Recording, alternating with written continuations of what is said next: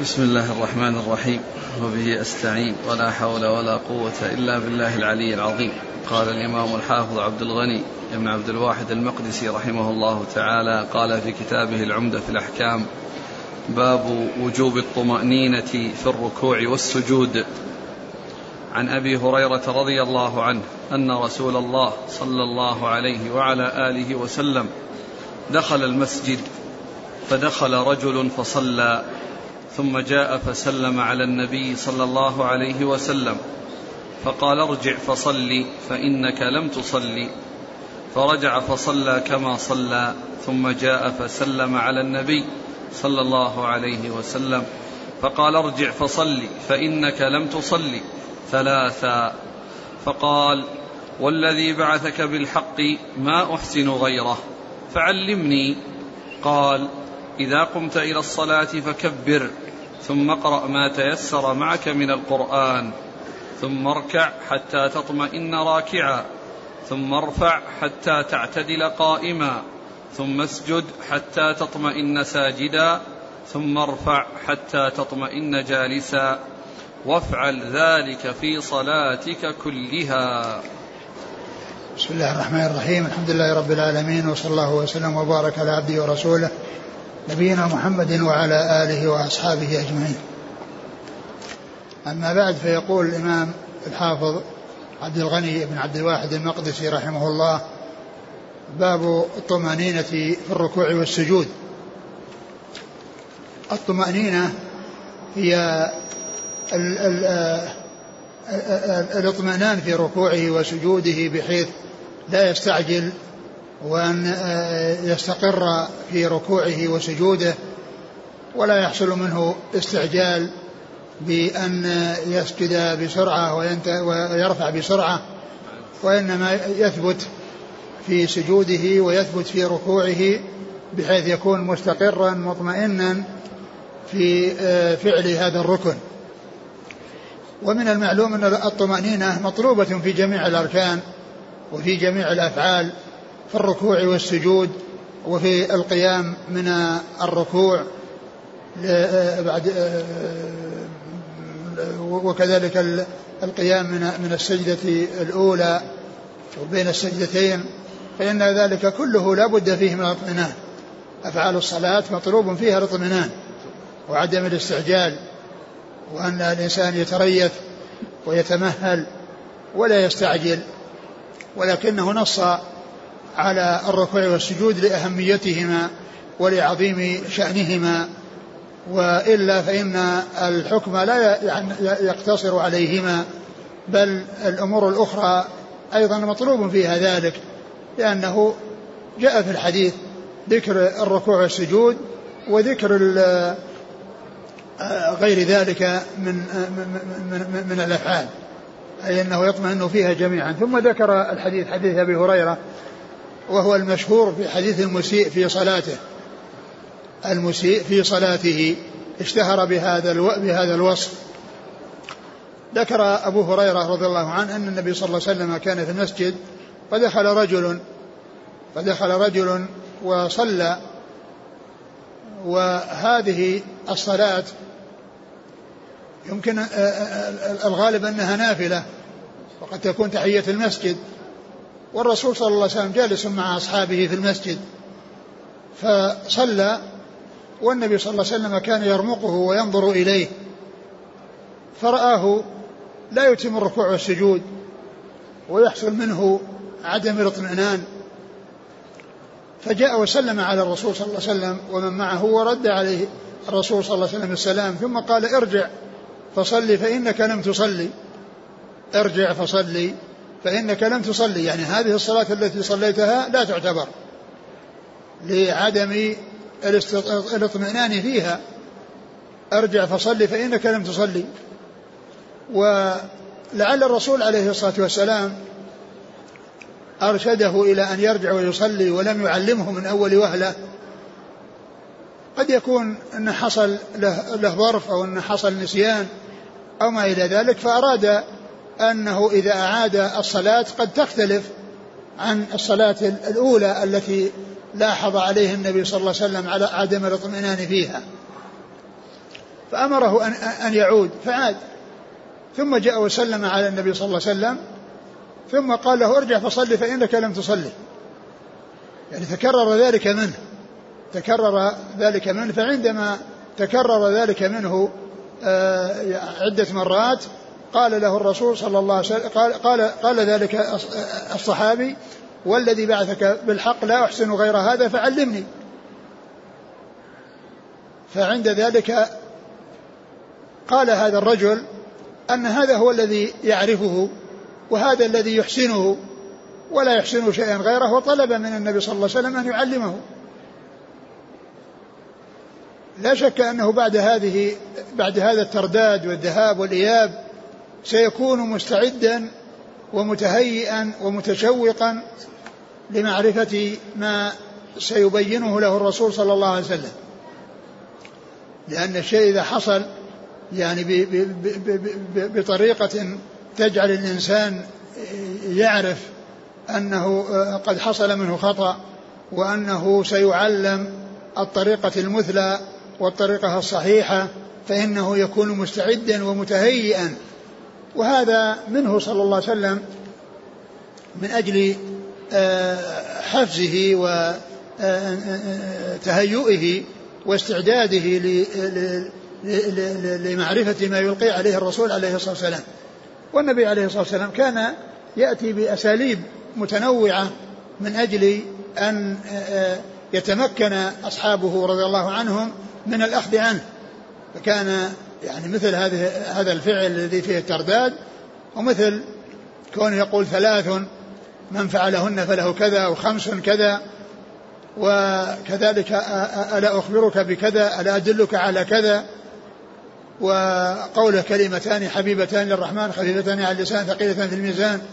يعني يأتي بأمور ممهدة يكون فيها الآخذ والمتلقي عن النبي عليه الصلاة والسلام على تمام الاستعداد وتمام التهيؤ لتلقي ما يصدر عنه صلى الله عليه وسلم. بعدما حصل منه هذه الأمور المتعددة وهذه الأحوال المتعددة وكلها والرجل على حالته وكأن هذا ديدنه دائما وأبدا والرسول صلى الله عليه وسلم قال فإنك لم تصلي يعني أنها ما وجدت منك الصلاة علمه الرسول عليه الصلاة والسلام. فقال إذا قمت إلى الصلاة فكبر. إذا قمت إلى الصلاة فكبر. يعني أنه آه يعني يدخل في الصلاة وهو قائم.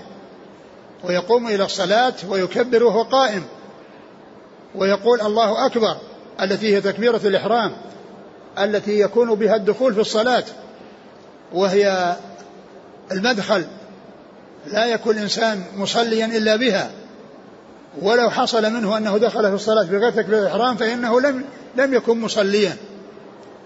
لم يكن مصليا. بل لابد أن أن تحصل منه تكبيرة الإحرام وأن يدخل في الصلاة بقوله الله أكبر.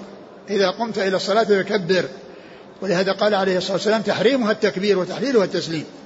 تحريمها التكبير وتحليلها التسليم. فيدخل فيها الإنسان بالتكبير ويخرج منها بالتسليم. إذا قمت إلى الصلاة فكبر. ثم اقرأ ما تيسر معك من القرآن. ما تيسر من القرآن هذا مطلق. يدخل فيه الفاتحة وغير الفاتحة. وقد تمسك به بعض العلماء فرأى أن الإنسان إذا قرأ أي شيء من القرآن الفاتحة وغير الفاتحة فإنه يعني يحصل منه القيام بالواجب والمطلوب. وبعض أهل العلم يرى أنه لا بد من قراءة الفاتحة في كل ركعة من ركعات الصلاة ويستدل على ذلك بالأحاديث الكثيرة الدالة على على يعني قراءتها وكذلك أيضا آه يدل على ذلك أيضا بعض روايات حديث المسيء في صلاته فإنه جاء في بعضها الفاتحة وما, وما تيسر معها. فإذا آه، الفاتحة لا بد منها وأن الإنسان يقرأ الفاتحة. وحديث المسيء جاء فيه الإطلاق وجاء فيه التقييد فيحمل المطلق على المقيد ويكون مطلوب منه الفاتحة وهذا لزوما وغيرها وهذا استحبابا الذي هو غير الفاتحة. ثم اقرأ ما تيسر من القرآن ثم اركع. نعم. ثم اركع حتى تطمئن راكعة. ثم اركع حتى تطمئن راكعة. يعني معناه يطمئن في ركوعه ويستقر في ركوعه ولا يكون كنقر الغراب يعني يهوي ثم يرفع بدون أن يكون مستقرا بل لابد من الاستقرار. لابد من الاستقرار والاطمئنان وعدم الاستعجال بحيث يكون الإنسان يعني آه انقطع انقطعت حركته يعني في الهوي واستقر في الركوع. انقطعت حركته في الهوي واستقر في الركوع. قال ثم ارفع حتى تعتدل قائمة. يعني حتى يعتدل بمعنى أنه آه، يكون آه، قام واستقر في قيامه. وليس وليس معنى ذلك أنه يقوم ثم يرجع بسرعة. ولهذا جاء في بعض الحديث والذي مرت حديث أنس التي آه، صلى بهم وقال إنه لا يآل لا آل أن اصلي بكم صلاة الرسول صلى الله عليه وسلم. فكان يقوم بعد الركوع حتى يقول القائل قد نسي. حتى يقول القائل في نفسه قد نسي. لكثرة لحصول الإطالة منه. يعني معناه فيه استقرار. وفيه آه، اطمئنان. ثم اسجد حتى تطمئن ساجدا. ثم اسجد حتى تطمئن ساجدا يعني يطمئن في سجوده ويستقر في سجوده مثل ما حصل منه في ركوعه. ثم ارفع حتى تعتدل قائمة ثم ارفع حتى تعتدل قائمة والاعتدال فيه اطمئنان. وقد جاء ذكر الاطمئنان في الركوع والسجود في هذا الحديث. يعني حصل التعبير بالاطمئنان بالركوع والسجود. ولهذا الحافظ رحمه الله بوب باب الاطمئنان في الركوع والسجود لمطابقته لما جاء في الحديث ولأهمية الركوع والسجود وعظم شأنهما. ثم ارفع حتى تعديلا قائم جالسا. ثم وافعل ذلك في صلاتك كلها. وافعل ذلك في صلاتك كلها لأنه لما بين له ما يفعله في الركعة الواحدة من من الاطمئنان والاستقرار وعدم الاستعجال والثبوت في هذه الأركان قال افعل ذلك في صلاتك كلها يعني بقية الركعات اعملها كما عملت هذه الركعة. اعملها كما تعمل في هذه الركعة. فبين عليه الصلاة والسلام ما يلزمه في الركعة الواحدة وأحال في الركعات الباقية عليها بأن يفعل مثل ما كان يفعل فيها. ولهذا هذا الحديث عند العلماء عمدة في معرفة الأصول والأركان والأشياء التي لا بد منها في الصلاة و وفيه ذكر التكبير وذكر القراءة وهما من القول وهما من الأقوال وفيه ذكر الركوع والسجود والرفع من الركوع والرفع من السجود وهما من ال ال ال وهي من الأفعال. وما ذكر النبي صلى الله عليه وسلم التشهد ولعل ذلك لأنه ما ما حصل منه يعني شيء يعني آه، إخلال به وأنه حصل منه المقصود يعني في التشهد. فالحديث حديث عظيم يعتبر أصل من أصول الأصول التي تبنى عليها الصلاة وذلك بما هو مطلوب فيها من الاطمئنان والإتيان بالأشياء التي لا بد منها. نعم. هل يدل على أن الأولى عدم إلقاء السلام على من بالمسجد إلا بعد الصلاة؟ لا لا لا يدل لأن الرجل ما وصل إليهم حتى يقول ما سلم عليهم لأنه دخل وصلى قبل أن يصل إليهم.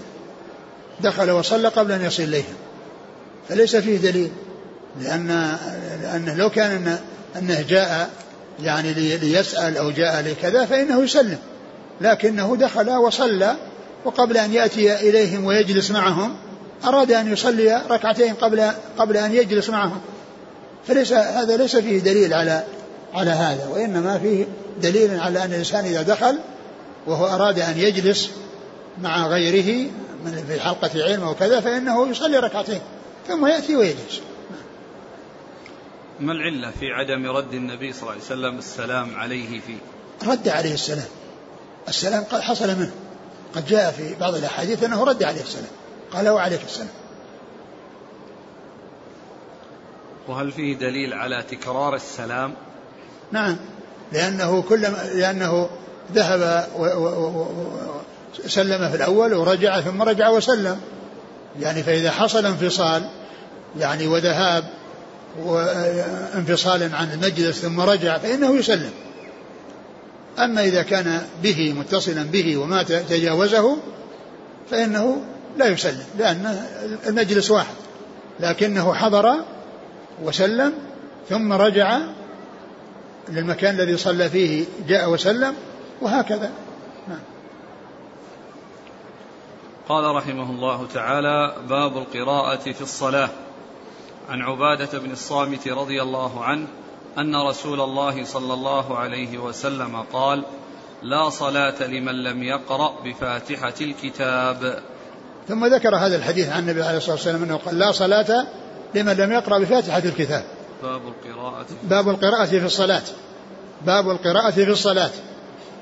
والقراءة منها ما هو لازم وهو قراءة الفاتحة ومنها هو مستحب وهو غيرها. ومنه ما هو مستحب وهو غير قراءة الفاتحة. فقراءة الفاتحة لازمة وواجبة ولا بد منها. وأما غيرها فإنه مستحب. تصح الصلاة بدونه لكن ينبغي أن يؤتى بالمستحب و ولا يعني يترك ولكنه لو ترك فإنه ما ترك أمر واجب وإنما ترك أمر مستحب والصلاة تحصل بأداء ما هو واجب والواجب هو قراءة الفاتحة. لهذا جاء في هذا الحديث لا صلاة لمن لم يقرأ فاتحة الكتاب. لا صلاة لمن لم يقرأ بفاتحة الكتاب. فهذا الحديث يدل على وجوب قراءة الفاتحة على الإمام والمنفرد وكذلك المأموم. وفي قراءة قراءة المأموم خلاف. يعني بين أهل العلم هل تجب أو لا تجب فمنهم من أوجبها مطلقا ومنهم من, أو من لم يوجبها مطلقا لا في سرية ولا في جهرية ومنهم من أوجبها في السرية دون الجهرية ومنهم من أوجبها في السرية دون الجهرية. والمعروف عن يعني جماعة من العلماء ومشهور عند أهل الحديث أنها واجبة. أي قراءة الفاتحة واجبة ويدل لوجوبها يعني هذا الحديث وكذلك الحديث الآخر الذي كان النبي صلى الله عليه وسلم كان يصلي بأصحابه فيعني حصل أن سمع قراءة فالنبي عليه الصلاة والسلام قال ما لي أنازع القراءة لعلكم تقرؤون خلف إمامكم؟ قالوا نعم. قال لا تفعلوا إلا بفاتحة الكتاب. لا تفعلوا إلا بفاتحة الكتاب. يعني معنى ذلك أن فاتحة الكتاب يؤتى بها وغيرها لا يؤتى به بل يستمع للإمام. وأما قراءة الفاتحة فإنه يأتي بها. إذا كان للإمام سكتات أتى بها وإلا يأتي بها يعني في الأول يعني بعد الاستفتاح أو يأتي بها والإمام يقرأ السورة. وأما الفاتحة فإنه يتابعه فيها ويسمع يعني قراءته ثم يؤمن. وإذا كان لم يقرأها قبل ذلك فإنه يقرأها والإمام يقرأ السورة. إذا ما كان هناك سكتات أو لم يحصل من الإمام يعني سكوت يحصل به قراءة الفاتحة. و آه، القول بوجوب قراءة الفاتحة على المأموم هو هو الواضح آه، للأدلة الواضحة فيه ولأن النبي عليه الصلاة والسلام قال لا تفعلوا إلا فاتحة الكتاب. يعني معناه أنهم ينصتون لغير في غير الفاتحة وأما الفاتحة فإنهم يأتون بها. ولا يقرؤون شيء من القرآن يتشاغلون عن الإمام والإمام يقرأ وإنما ينصتون ويستمعون وإذا قرأ القرآن فاستمعوا له وأنصتوا. ولكن تستثنى من ذلك الفاتحة لقوله صلى الله عليه وسلم لا تفعلوا إلا بفاتحة الكتاب.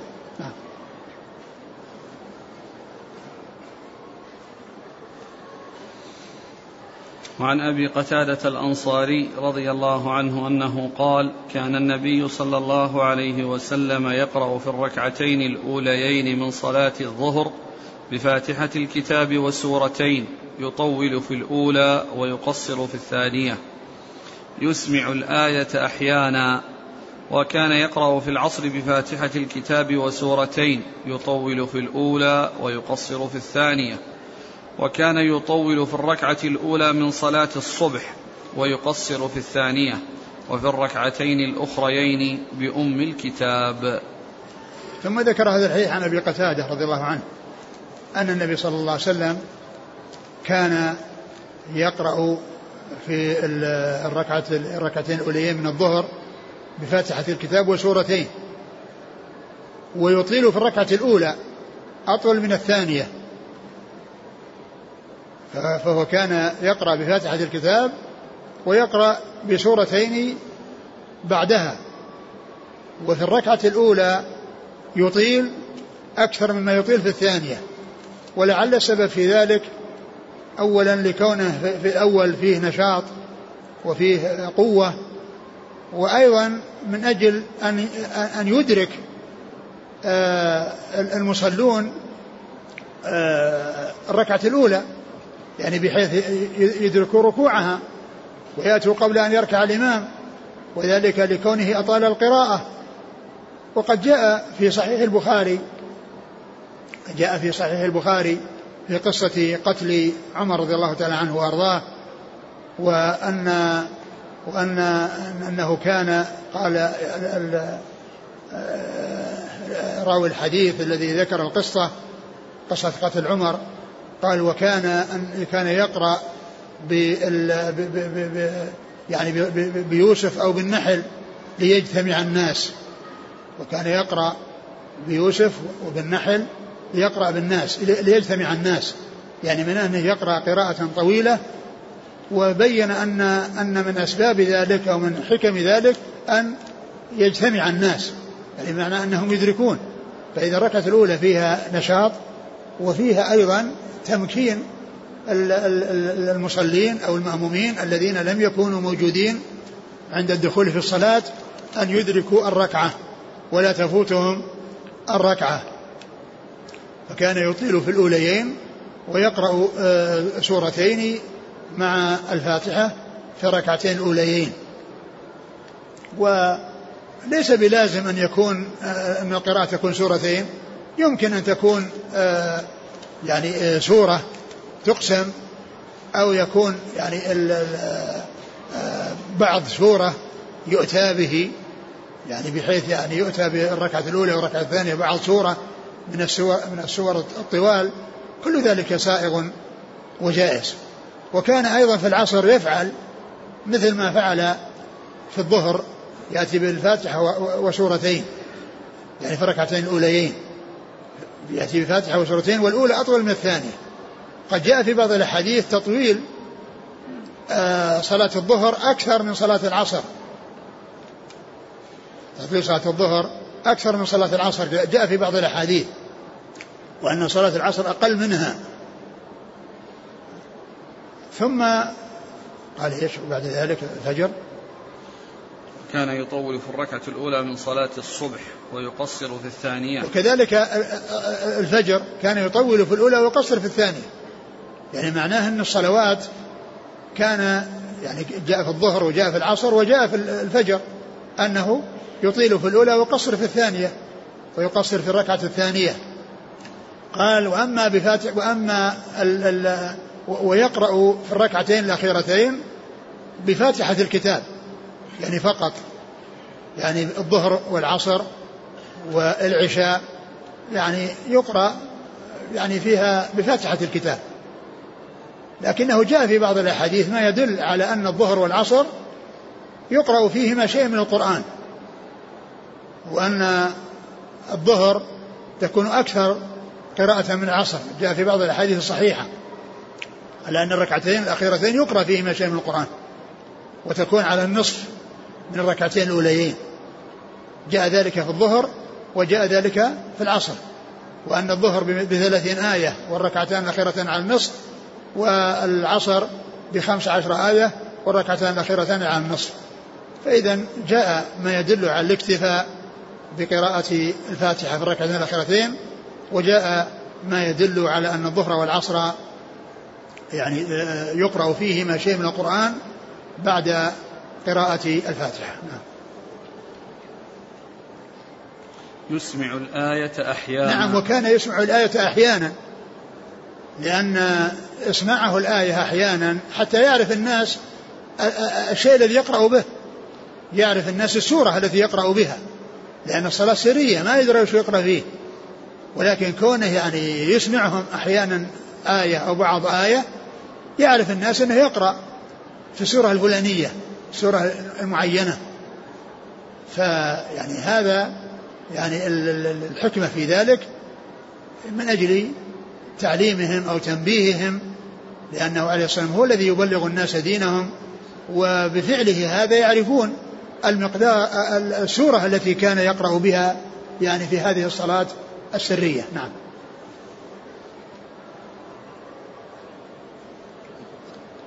هل يدل الحديث على أن الجهر بالقراءة في الصلاة السرية جائز؟ آه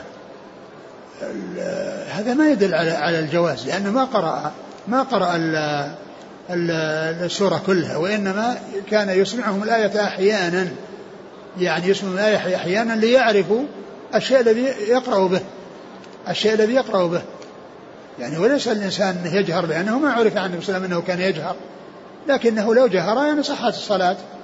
لأن الجهر والإصرار هذا من الأمور المستحبة ليس من الأمور المتعينة التي لا بد منها. نعم. وعن جبير بن مطعم رضي الله عنه أنه قال سمعت النبي صلى الله عليه وسلم يقرأ في المغرب بالطور. ثم ذكر هذا الحديث عن جبير بن مطعم النوفلي رضي الله عنه. قال سمعت النبي صلى الله عليه وسلم يقرأ في المغرب بالطور. وهذا يدلنا على أن على أن المغرب يقرأ فيها بطوال المفصل وكذلك يقرأ فيها يعني ب يعني بأوساطه وبقصاره. والنبي صلى الله عليه وسلم مرة قرأ فيها بالأعراف ليبين الجواز. وهي من أطول سور القرآن التي هي سورة الأعراف. ف وقراءة وسماع جبير بن مطعم رضي الله عنه كان في حال كفره لأنه كان أسيرا من أسار بدر وأتي به المدينة أسيرا من الأسرى.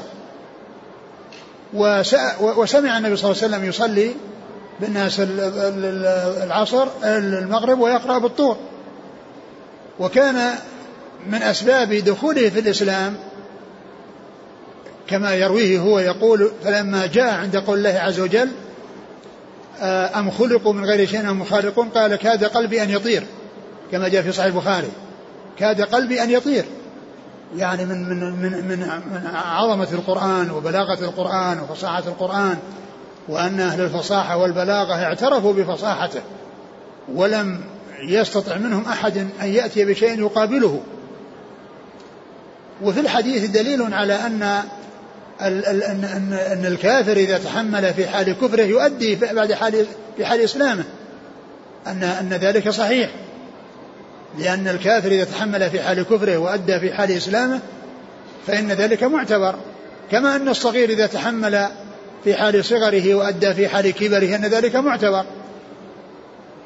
مثل النعمان بن بشير رضي الله عنه كان توفي رسول الله عليه الصلاة والسلام وعمره ثمان سنين.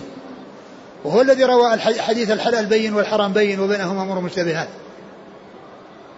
وهو متفق عليه.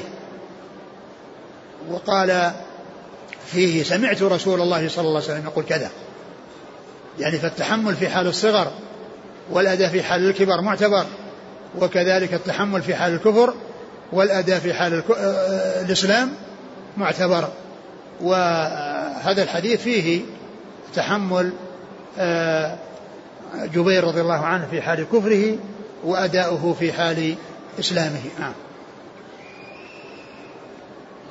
وعن البراء بن عازب رضي الله عنهما أن النبي صلى الله عليه وسلم كان في سفر فصلى العشاء الآخرة فقرأ في إحدى الركعتين بالتين والزيتون فما سمعت أحدا أحسن صوتا أو قراءة منه. ثم ذكر حديث البراء بن عازب وأن النبي صلى الله عليه وسلم كان في سفر فقرأ بالعشاء بالتين والزيتون. قال فما رأيت أحدا أحسن سمعت أحدا أحسن صوتا من رسول الله صلى الله عليه وسلم. وهذا يعني فيه أنه كان في سفر. والتين والزيتون هي من قصار المفصل هي من القصار وهي يقرأ فيها من الأوساط يقرأ فيها من أوساط المفصل, المفصل لكن هذا كان في سفر.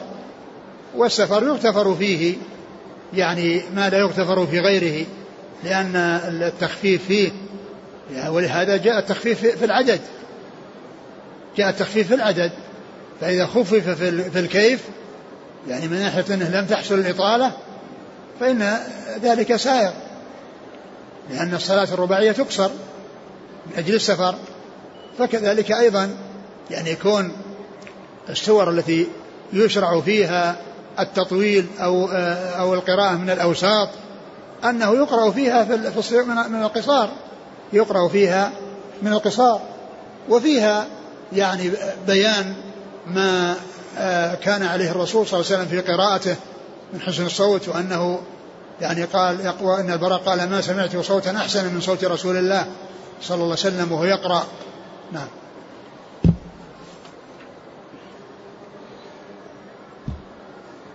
وعن عائشة رضي الله عنها أن رسول الله صلى الله عليه وسلم بعث رجلا على سرية فكان يقرأ لأصحابه في صلاتهم فيختم بقل هو الله أحد فلما رجعوا ذكروا ذلك لرسول الله صلى الله عليه وسلم فقال سلوه لأي شيء يصنع ذلك؟ فسألوه فقال لأنها صفة الرحمن عز وجل فأنا أحب أن أقرأ بها. فقال رسول الله صلى الله عليه وسلم أخبروه أن الله تعالى يحبه. ثم ذكر المصنف رحمه الله حديث عائشة أن النبي صلى الله عليه وسلم أن رجلا أمره النبي صلى الله عليه وسلم على سرية. فكان يصلي بأصحابه ويختم بقول هو الله أحد. يعني يكررها ويأتي بها يعني مع غيرها مما يقرأه. فأصحابه لاحظوا شيئا ما كانوا يعرفونه وهو كونه يعني يكرر قراءة قل هو الله أحد ويأتي بها مع غيرها يأتي بغيرها ويأتي بها مع غيرها. فلفت نظرهم يعني هذا الصنيع فجاءوا إلى النبي صلى الله عليه وسلم وأخبروه. وهذا يدل على أن على أن ال ال ال الإمام أو الوالي الخاص إذا حصل منه شيء يعني آه، يعني محل ملاحظة ومحل نظر وأنه رجع إلى يعني الإمام الأعظم فيه ورجع فيه أن ذلك لا يعتبر من الغيبة. لا يعتبر من الغيبة ولهذا هم رجعوا إلى النبي صلى الله عليه وسلم ليعرفوا الحكم ليعرفوا الحكم. الرسول صلى الله عليه وسلم قال سلوه لماذا كان يفعل؟ فقال إنها صفة الرحمن وأحب أن أقرأ بها. فقال عليه الصلاة والسلام أخبروه بأن الله يحبه أن الله تعالى يحبه. وهذا فيه بيان عظم شأن هذه السورة وأنها مشتملة على صفة الرحمن لأن فيها الإثبات والتنزيه فيها الإثبات والتنزيه فيها الأحد والصمد. قل هو الله أحد الله الصمد. فهو سبحانه وتعالى واحد في ذاته وصفاته. وأفعاله وهو المستحق للعبادة وحده لا شريك له وهو الصمد الذي تصمد إليه الخلائق بحوائجها وهو المفتقر عن كل الغني عن كل من سواه المفتقر إليه كل من عداه. فأول السورة إثبات وآخرها تنزيه ثم قال لم يلد ولم يولد ولم يكن له كفوا أحد. فهو أحد صمد لم يلد ولم يولد ولم يكن له كفوا أحد. فأثبت له الأحدية والصمدية ثم نفى عنه أي أي شيء من وجوه النقص. نفى عنه الأصول والفروع والنظراء نفى عنه الأصول والفروع والنظراء فهو لم يلد يعني يعني نفي, نفي للفروع. ولم يولد نفي للأصول. ولم يكن له كفوا أحد ليس هناك من يشابهه ويماثله ويساميه سبحانه وتعالى. فهي سورة عظيمة ولهذا جاء أنها تعدل ثلث القرآن وجاء في فضلها أحاديث تدل على فضل هذه السورة العظيمة التي هي من أقصر سور القرآن التي هي من أقصر سور القرآن. والحديث يدل أيضا على أن الإنسان لو لو قرأ يعني آه، سورة متقدمة بعد سورة متأخرة أن ذلك جائز ولكنه خلاف الأولى. الأولى أن يؤتى بترتيب القرآن على ما هو عليه على ترتيبه بأن يقرأ مثلا بسورة متقدمة ثم بعدها يقرأ بسورة متأخرة عنها. ولكن لو أنه قرأ بسورة متأخرة ثم قرأ بعدها بسورة متقدمة يجوز وهذا الحديث يدل على ذلك لأن قل هو الله أحد ليس بعدها في المصحف إلا سورتان ليس بعدها في المصحف إلا سورتان وهما سورة الفلق وسورة الناس ومعنى ذلك أنه إذا كان يقرأها ويعني يكررها معناها أنه يأتي بشيء بعدها قبلها يأتي بشيء بعدها مما كان قبلها فهو يدل على يعني على ذلك نعم. فكان يقرأ لأصحابه في صلاتهم فيختم بقل هو الله أحد نعم يعني معناه أنه يقرأ ثم يضيف قل هو الله أحد مع مع ما يقرأه يعني يقرأ سورة ويقرأ معها قل هو الله أحد. كل ركعة ولا الركعة إيه الثانية؟ في الركعة في الركعة كل ركعة يقرأ سورة لا يعني الله يمكن لكنه يعني يختم يمكن يختم القراءة في الركعة الأولى أو القراءة في الركعة الثانية ويحتمل يكون يعني أنه يختم في الركعة في الركعة الثانية أو الأولى. لأنه مطلق. كان يختم بقول هل يختم القراءة كاملة؟ يعني بحيث يعني تكون الأخيرة أو أنه يختم بهذه وبهذه. نعم. فقال رسول الله صلى الله عليه وسلم أخبروه أن الله تعالى يحبه. نعم وهذا يعني بيان عظم شأن آه يعني معرفة أسماء الله وصفاته وال يعني العمل بمقتضاها وسؤال الله عز وجل بها لأن الرسول عليه الصلاة والسلام آه، يعني أخبر بأن من أحب هذه السورة وأحب قراءتها والتأمل فيها فإن الله تعالى يحبه بأن يكون الجزاء من جنس العمل كما أحب يعني هذه السورة المشتملة على صفات الله وعلى وحدانية الله فإن الله تعالى يحبه. نعم. هل يشرع فعل ما فعله هذا الصحابي؟ الرسول صلى الله عليه وسلم ما كان يفعل ذلك ولا أصحابه ما عرف عنهم ذلك. ويعني لا يقال إن هذا سنة وأن الناس يفعلون ذلك ويفعلون كما فعل لأن الرسول صلى الله عليه وسلم ما فعل هذا. يعني بعد هذا الذي حصل وبعد يعني ذلك ما كان النبي صلى الله عليه وسلم يفعل ذلك لكنه لو حصل فإنه يصح. لكن لا يقال إن هذا سنة لأن الرسول صلى الله عليه وسلم ما كان يفعله والصحابة ما كانوا يفعلونه بعد ذلك ما جاء عنهم ولا يقال إنه إقرار. نعم وأقره على ما حصل لكن لا يقال لأن الرسول عليه السلام ما حصل منه يعني بعد ذلك آه كونه يختم بها. أليس الإقرار وجه من أوجه هو أقره على ما حصل الذي قد مضى أقره لكن لا يعني أن يكون ذلك سنة تفعل لأن الرسول ما فعل هذه ما, ما فعل هذا الشيء. والصحابة ما أثر عنهم أنهم كانوا يفعلون هذا الشيء بأن يقرؤون ويختمون بقول هو الله أحد.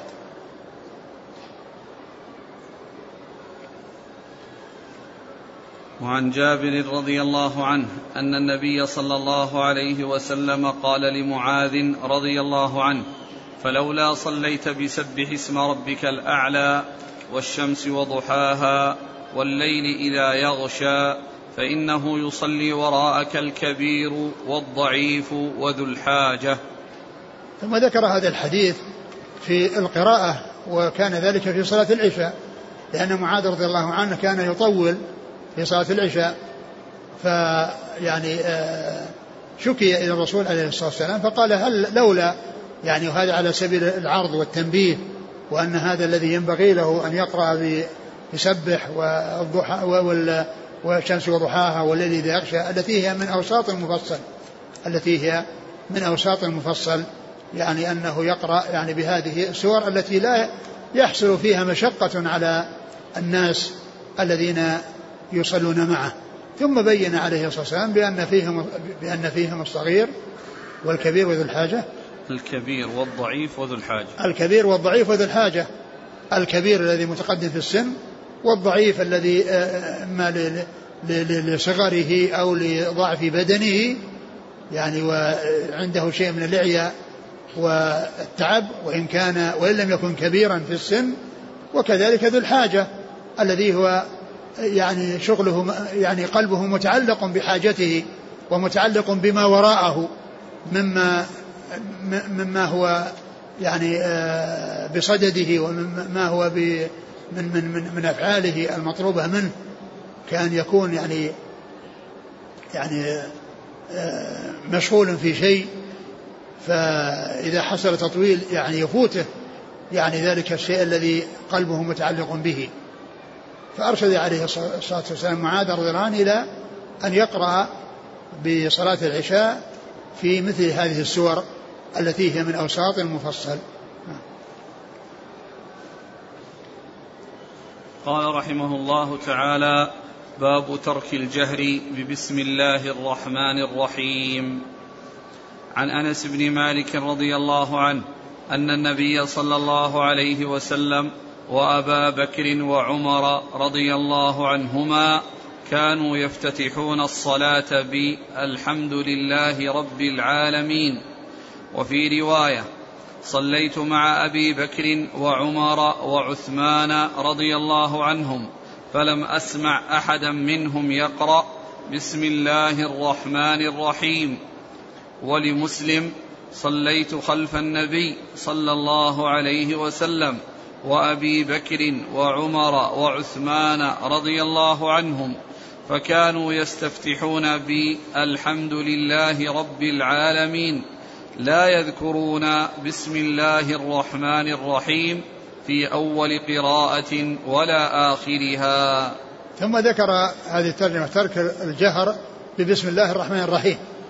يعني الإمام الذي يصلي بالناس ويجهر بالقراءة ومشروع له الجهر بالقراءة أنه لا يجهر بالبسملة وإنما يجهر بالفاتحة. يجهر بالفاتحة بالسورة دون البسملة. وذكر يعني هذا الحديث أنه أن أن أنس حديث أنس نعم. أنس أنه صلى خلف رسول الله صلى الله عليه وسلم وأبي بكر وعمر. يعني صلى خلف النبي صلى الله عليه وسلم في زمانه وخلف عمر في زمان أبي بكر في زمانه وخلف عمر في زمانه.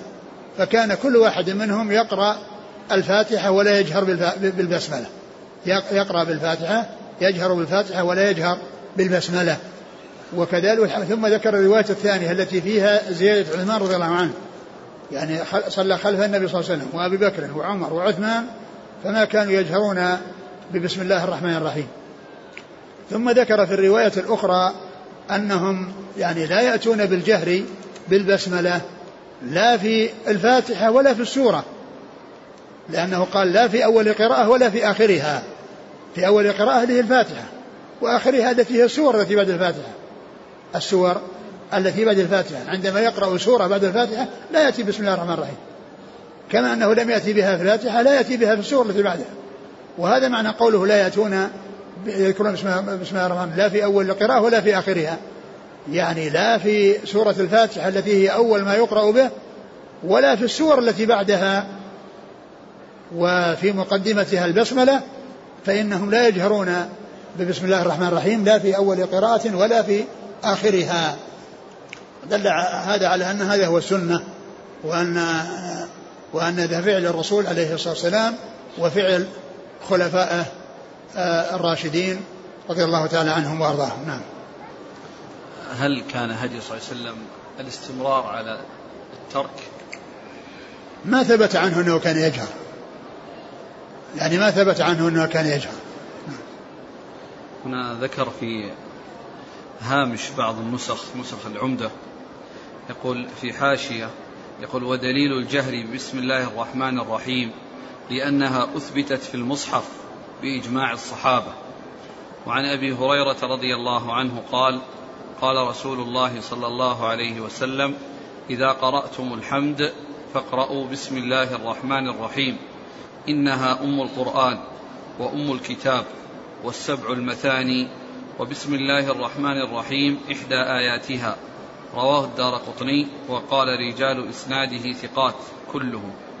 قلت المحقق نظر فريابي هذا الحكم الأخير للحديث لا يوجد في المطبوع من السنن ولا نقله الحافظ بن حجر في الإتحاف ونقل الحافظ بن حجر كلام العلماء لهذا الحديث.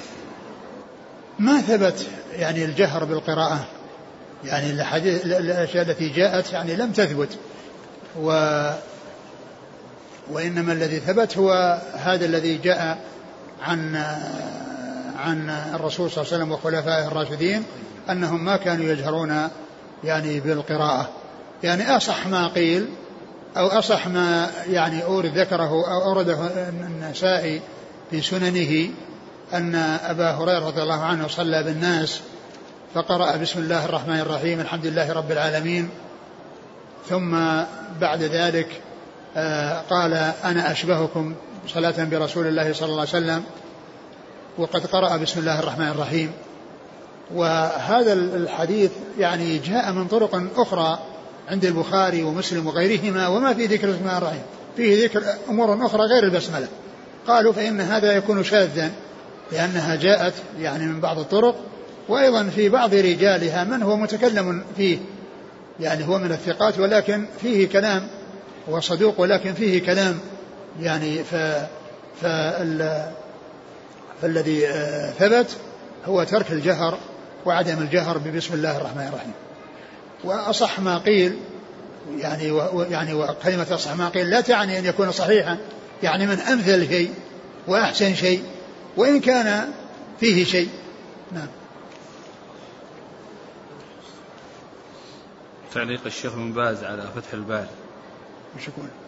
يقول رحمه الله والصواب تقديم ما دل عليه حديث أنس من شرعية الإصرار بالبسملة لصحته وصراحته في هذه المسألة وكونه نسي ذلك ثم ذكره لا يقدح في روايته كما علم ذلك من الأصول والمصطلح وتحمل رواية من روى الجهر بالبسملة على أن النبي صلى الله عليه وسلم كان يجهر بها في بعض الأحيان ليعلم من وراءه أنه يقرأها وبهذا تجتمع الأحاديث.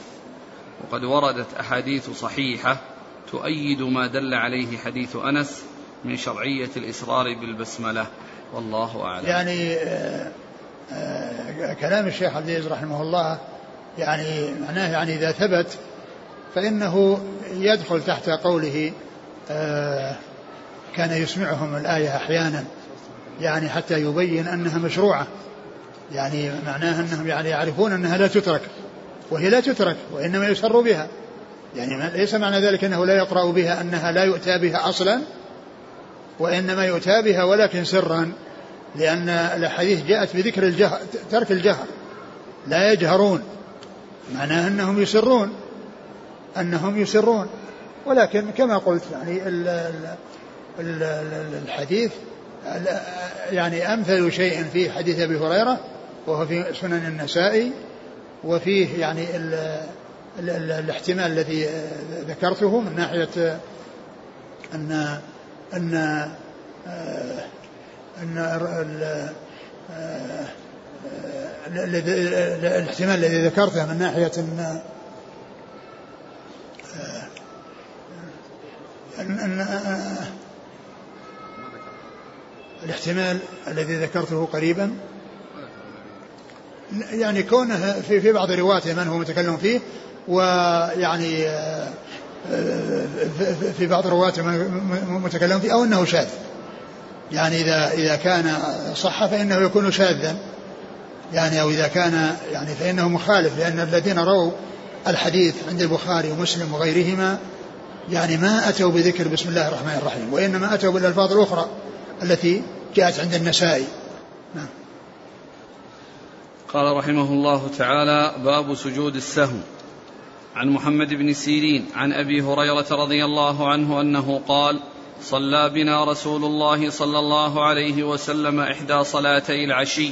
قال ابن سيرين وسماها أبو هريرة رضي الله عنه ولكن نسيت أنا. قال فصلى بنا ركعتين ثم سلم. فقام إلى خشبة معروضة في المسجد فاتكى عليها كأنه غضبان ووضع يده اليمنى على اليسرى وشبك بين أصابعه وخرجت السرعان من أبواب المسجد فقالوا قصرت الصلاة. وفي القوم أبو بكر وعمر رضي الله عنهما فهابا أن يكلماه. وفي القوم رجل في يديه طول يقال له ذو اليدين فقال يا رسول الله أنسيت أم قصرت الصلاة؟ قال لم أنس ولم تقصر. فقال أكما يقول ذو اليدين؟ فقالوا نعم.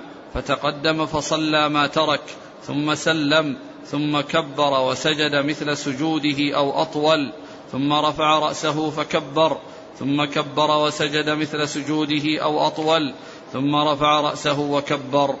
فربما سألوه ثم سلم فنبئت أن عمران بن حسين رضي الله عنهما قال ثم سلم. ثم ذكر سجود السهو. وسجود السهو يكون للزيادة وللنقص وللشك. يعني أسباب السهو يعني هي ثلاثة. يعني إما لزيادة في الصلاة أو نقص منها أو شك فيها. ويشرع سجود السهو في النهاية. يعني في آخرها. وبعض أهل العلم قال إنه يسجد كله بعد السلام بعضهم قال كله قبل السلام وبعضهم قال ما جاء أنه قبل السلام يتاب قبل السلام وما جاء بعد السلام يتابه بعد السلام. وذكر حديث أبي هريرة رضي الله عنه أن النبي صلى الله عليه وسلم صلى بهم إحدى صلاتي العشي وصلاتي العشي هي الظهر والعصر. وقد قال ابن سيرين نسيت يعني هي الظهر ولا العصر؟ وإنما هي واحدة منهما ولكنه نسي تحديد أنها الظهر أو أنها العصر. ف فصلى عليه الصلاة ركعتين ثم سلم. والناس في زمن التشريع وخرج سرعان الناس يعني الناس اللي يخرجون بسرعة. وبقي أناس والرسول صلى الله عليه وسلم قام من مكانه وذهب وجلس مستندا على خشبة في المسجد وشبك بين أصابعه كأنه غضبان يعني غير منشرح الصدر يعني عنده شيء من القلق. ف وفيهم أبو بكر وعمر فهاب أن يكلمه ما قالوا شيئا. وكان في القوم الذين بقوا رجل في يديه طول يقال له ذو اليدين اشتهر بهذا اللقب. بسبب طول في يديه. بسبب طول في يديه يقال له ذو اليدين فصار مشتهرا بذلك. فقال يا رسول الله أقصرت الصلاة أم نسيت؟ أقصرت الصلاة أم نسيت؟ لأن عندهم أن الزمن زمن تشريع والرسول صلى الله عليه وسلم ما أخبرهم أن فيه قصر للصلاة وأنها خفضت من أربع إلى ثنتين. فكان الأمر دائر بين أمرين إما أن يكون حصل وحي وقصرت الصلاة إلى ثنتين أو أن الرسول صلى الله عليه وسلم نسي إما هذه وإما هذه. فقال يا رسول الله أقصرت الصلاة أم نسيت؟ قال لم أنس ولم تقصر. يعني في ظني وفي علمي أنني ما, أنني ما حصل لا هذا ولا هذا. فما حصل وحي بقصرها من أربع إلى ثنتين وما حصل مني نسيان يعني على حسب علمي. فلما قال الرسول صلى الله عليه وسلم ما قال قال بل نسيت يا رسول الله. بل نسيت. لأن ما دام في قصر إذا فيه نسيان. فالرسول عليه الصلاة والسلام لم يكتفي بكلامه وبإخباره حتى سأل الحاضرين. قال أكما يقول ذي اليدين؟ قالوا نعم. أكما يقول ذي اليدين؟ وهذا يدل على أن الإنسان إذا إذا إذا صلى وكان آه، يعني آه، آه، حصل منه يعني شيء من التردد أو نبه ونبهه واحد فإنه لا لا يرجع إليه لأن قد يكون الواحد وهم. فإذا تكرر أو تعدد تنبيهه فإنه يرجع. ولو كان يظن أو يعتقد أنه ما حصل منه نسيان. لأن الرسول صلى الله عليه وسلم ما اكتفى بقول ذي اليدين وحده حتى سأل آه، يعني الموجودين في أبو بكر وعمر. قال نعم فقام عليه الصلاة والسلام وأتم صلاته. قام عليه الصلاة والسلام وأتم ما بقي من صلاته والركعتان الباقيتان من صلاة الظهر أو العصر. ثم إنه في آخر الصلاة سلم. سلم ثم سجد للسهو سجدتين ثم سلم. ثم سجد للسهو سجدتين ثم سلم. فيكون حصل منه سلامان. سلام قبل سجود السهو وسلام بعد سجود السهو. ولكنه ليس هناك تشهد يعني بعد السهو وإنما التشهد مرة واحدة قبل السلام. والإتيان بسجدتين لا يؤتى بعدهما بتشهد وإنما يؤتى بعدهما بالسلام منهما وإنما يأتى بعدهما بالسلام منهما.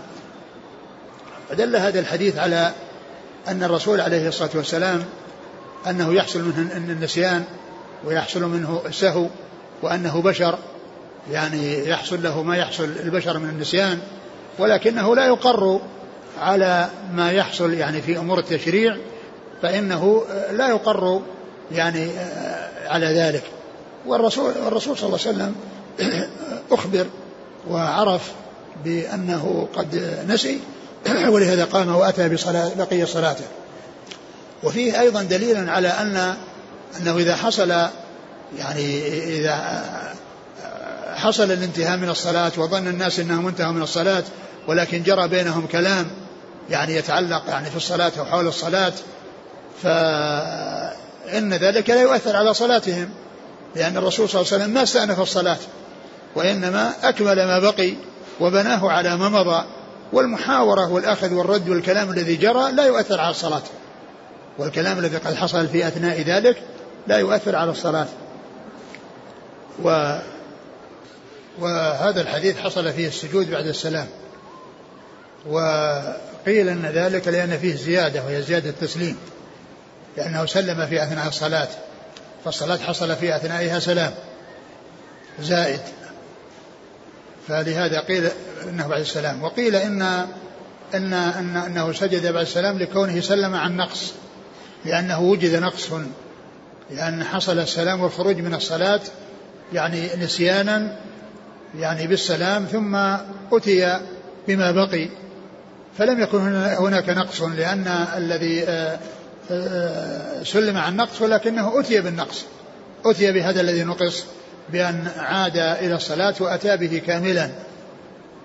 فقيل أن هذا الحديث يدل على أن ما كان بسبب الزيادة فإنه يكون بعد السلام.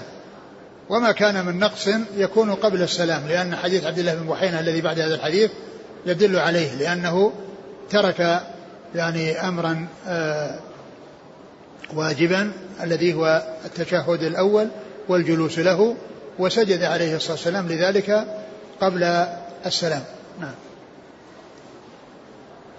وعن عبد الله بن بحينة رضي الله عنه وكان من أصحاب النبي صلى الله عليه وسلم أن النبي صلى الله عليه وسلم صلى بهم الظهر فقام في الركعتين الأوليين ولم يجلس فقام الناس معه حتى إذا قضى الصلاة وانتظر الناس تسليمه كبر وهو جالس فسجد سجدتين قبل أن يسلم ثم سلم. ثم ذكر حديث عبد الله بن بحينا رضي الله تعالى عنه وهو يتعلق بحصول النقص من الصلاة. والصلاة أتي بها ولكنه نقص منها جلوس للتشهد والتشهد. يعني أمران حصل يعني قولي وفعلي. الفعلي الجلوس للتشهد والقولي هو التشهد. فلم يحصل في صلاة رسول الله عليه الصلاة والسلام هذه التي رواها عبد الله بن محينا كان صلى بهم الظهر ولم وقام من الركعتين ناسيا. فقام الناس معه. ولما وصل في آخر الصلاة وانتظر الناس أن يسلم سجد. سجدتين. ثم سلم. فدل هذا على أن الجلوس للتشهد الأول أنه ليس بركن وأنه وكذلك وكذلك التشهد الأول الذي هو هذا الذكر الذي هو التحيات لله والصلاة والطيبات في التشهد الأول أنه ليس بركن وإنما هو واجب ويجبره سجود السهو. وإنما هو واجب يجبره سجود السهو. ولما كان يعني وهذا الذي حصل في حديث عبد المحينة نقص أو نقص من الصلاة شيء منها وهو الجلوس للتشهد والإتيان بالتشهد وسجد له قبل السلام. ويدل الحديث أيضا على أنه إذا تكرر يعني ما سهي عنه فإنه يكفيه سجدتان. لأنه هنا حصل ترك اثنين. ترك الجلوس للتشهد وترك قراءة التشهد. وحصل يعني جبر ذلك بسجدتين. حصلت لهذا ولهذا. ولهذا لو جلس للتشهد الأول ولكنه نسي أن يقرأ التشهد بس جالس هكذا ساكت. أو أتى بغيره. ثم قام يكون حصل منه نقص شيء واحد. ولكنه إذا قام من الركعتين إلى الثالثة يكون ترك شيئين. هما التشهد الأول والجلوس له ويكفي للسهو ولو تكرر سجدتان. يكفي للسهو ولو تكرر سجدتان. لا يكون لكل سهو في الصلاة سجدتان. إذا حصل في الصلاة عدة أنواع من السهو. فإنه لا يكون لكل نوع منها سجدتان بل يكون كل ذلك يكفي عنه سجدتان. والله تعالى أعلم وصلى الله وسلم وبارك على نبينا محمد وعلى آله وأصحابه أجمعين.